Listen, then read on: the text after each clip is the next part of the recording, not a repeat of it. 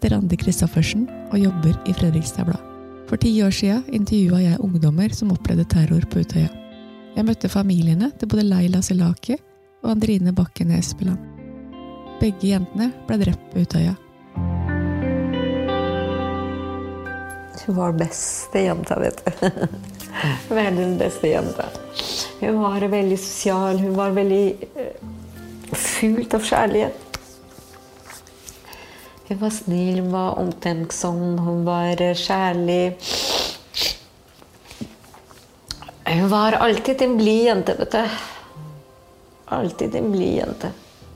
I denne episoden av podkasten Livet etter Leila møter vi Leilas mor, Elfet Selaki. Elfet husker ikke at jeg intervjua henne på rommet til Leila i desember 2011. Nå er vi tilbake på jenterommet i Dronningens gate, rett ved det gamle sjukehuset.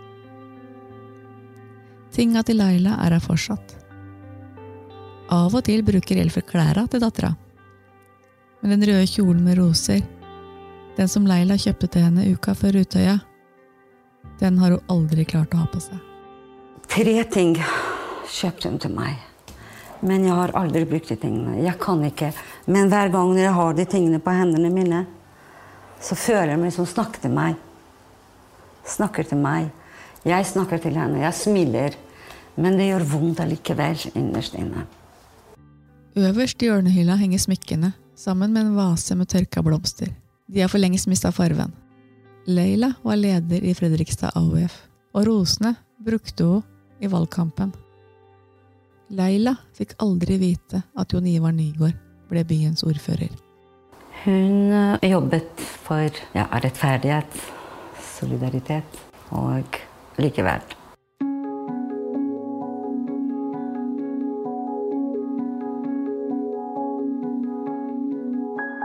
Da skytinga starta på Utøya, var Elfet på ferie i Kosovo.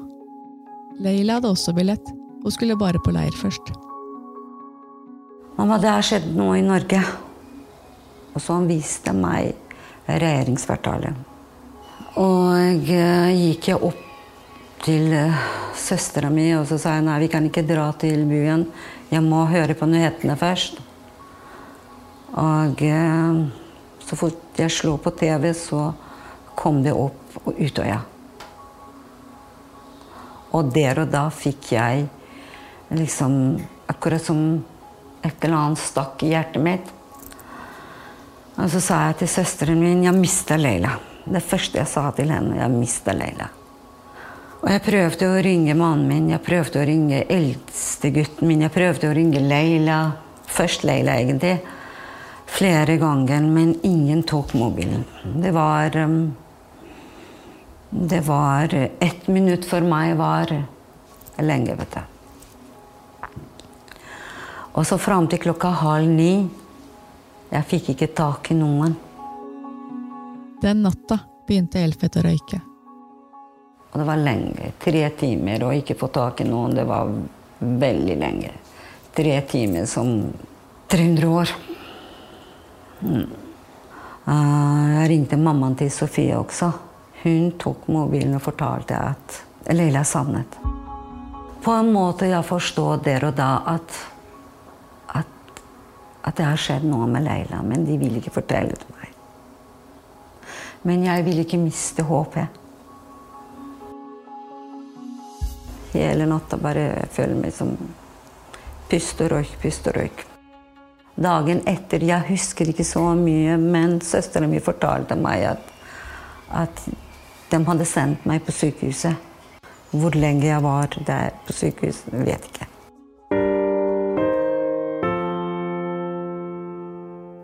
Hvordan klarer en mamma å stå opp hver dag etter å ha mistet et barn?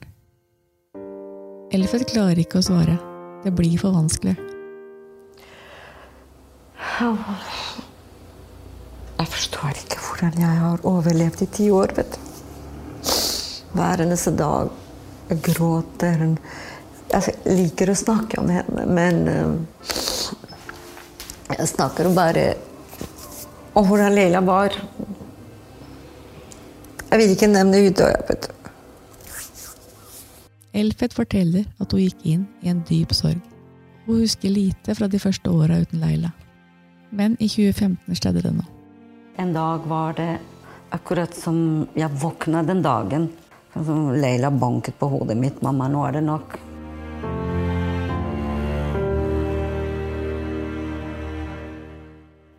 juni i år la Senter for krisepsykologi fram en rapport om helsetilstanden til familiene som har mista barn på Utøya. Nå, ti år etter terrorangrepet, er én av tre foreldre fremdeles så preget at de er helt eller delvis arbeidsuføre. Jeg ringte til Nav, og så sa jeg jeg vil tilbake på jobben.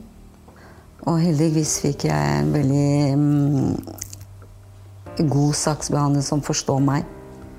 Og han hjalp meg hele veien, hele veien liksom fram til jeg starta på, på jobben igjen. Jobba fram til 2019. Klarte ikke mer. Ble for sliten. For mye for meg. Vi har satt oss i stua i Dronningens gate. På et lite hvitt bord står det et stort bilde av Leila. En strålende tiendeklassing i lyseblå ballkjole og oppsatt hår smiler mot oss. Bildet er fra da Leila ble kåra til årets dronning på Borge ungdomsskole vinteren 2010. Hver morgen tenner Elfet telysa som står rundt det store bildet av Leila. Tenner lys på rommet, denne lyset her.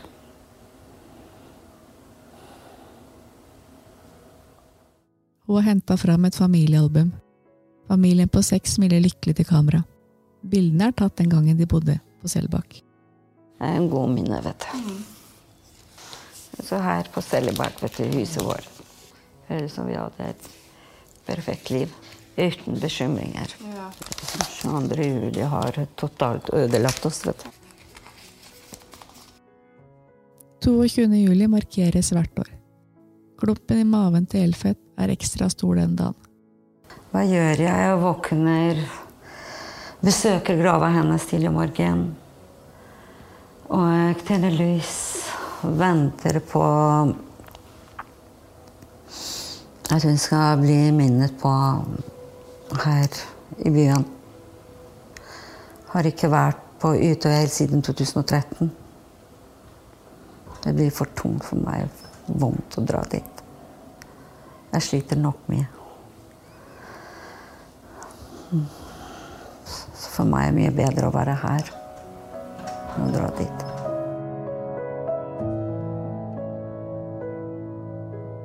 Et av lyspunktene til Elfet var da kontaktlæreren til Leila ringte henne høsten 2011. I 2010 Leila hadde skrevet et brev på skolen at hun hun presiserte veldig godt at når hun blir stor, så hun skal jobbe med foreldreløse barn. Snakket jeg og Inger og mamma til uh, Vanessa, barndomsvenninna til Leila, å åpne en fond. Så åpnet vi, og så starta vi med Vi i Kosovo, siden foreldrene til Leila sånn, vi er fra Kosovo. Ja. Og vi har vært i Kosovo fire ganger. Fire ganger Egentlig vi skulle reise i, i fjor, men vi kunne ikke pga. korona.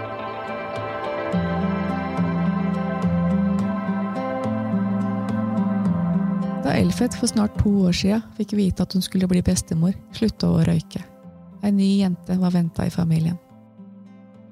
Meningen med livet mitt er at jeg må leve. Jeg må leve.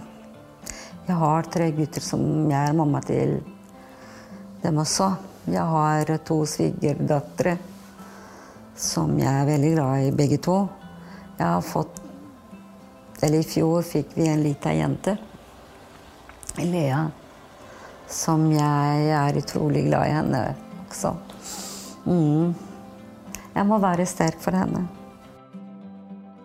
Elfet har med åra lært seg å kontrollere sorgen, og hun har funnet ting å glede seg over. Ja, det har gått ti år. Det går nå mye bedre.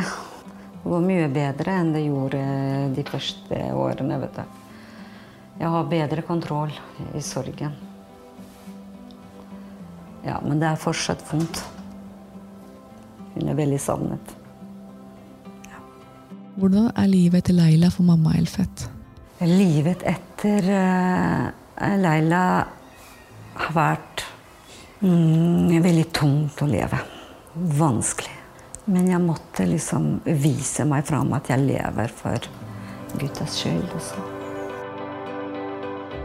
Det går bedre, spesielt etter Lea kom. Så jeg vil gjerne være litt sterk enn en uh, glad og god bestemor for henne også.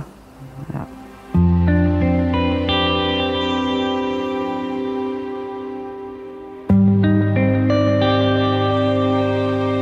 Denne podkasten er produsert av Erik Øyseid og meg, Randi Christoffersen. Musikk er fra Epidemic Sound. Du finner flere episoder av Livet etter Leila på fb.no og der du hører podkast.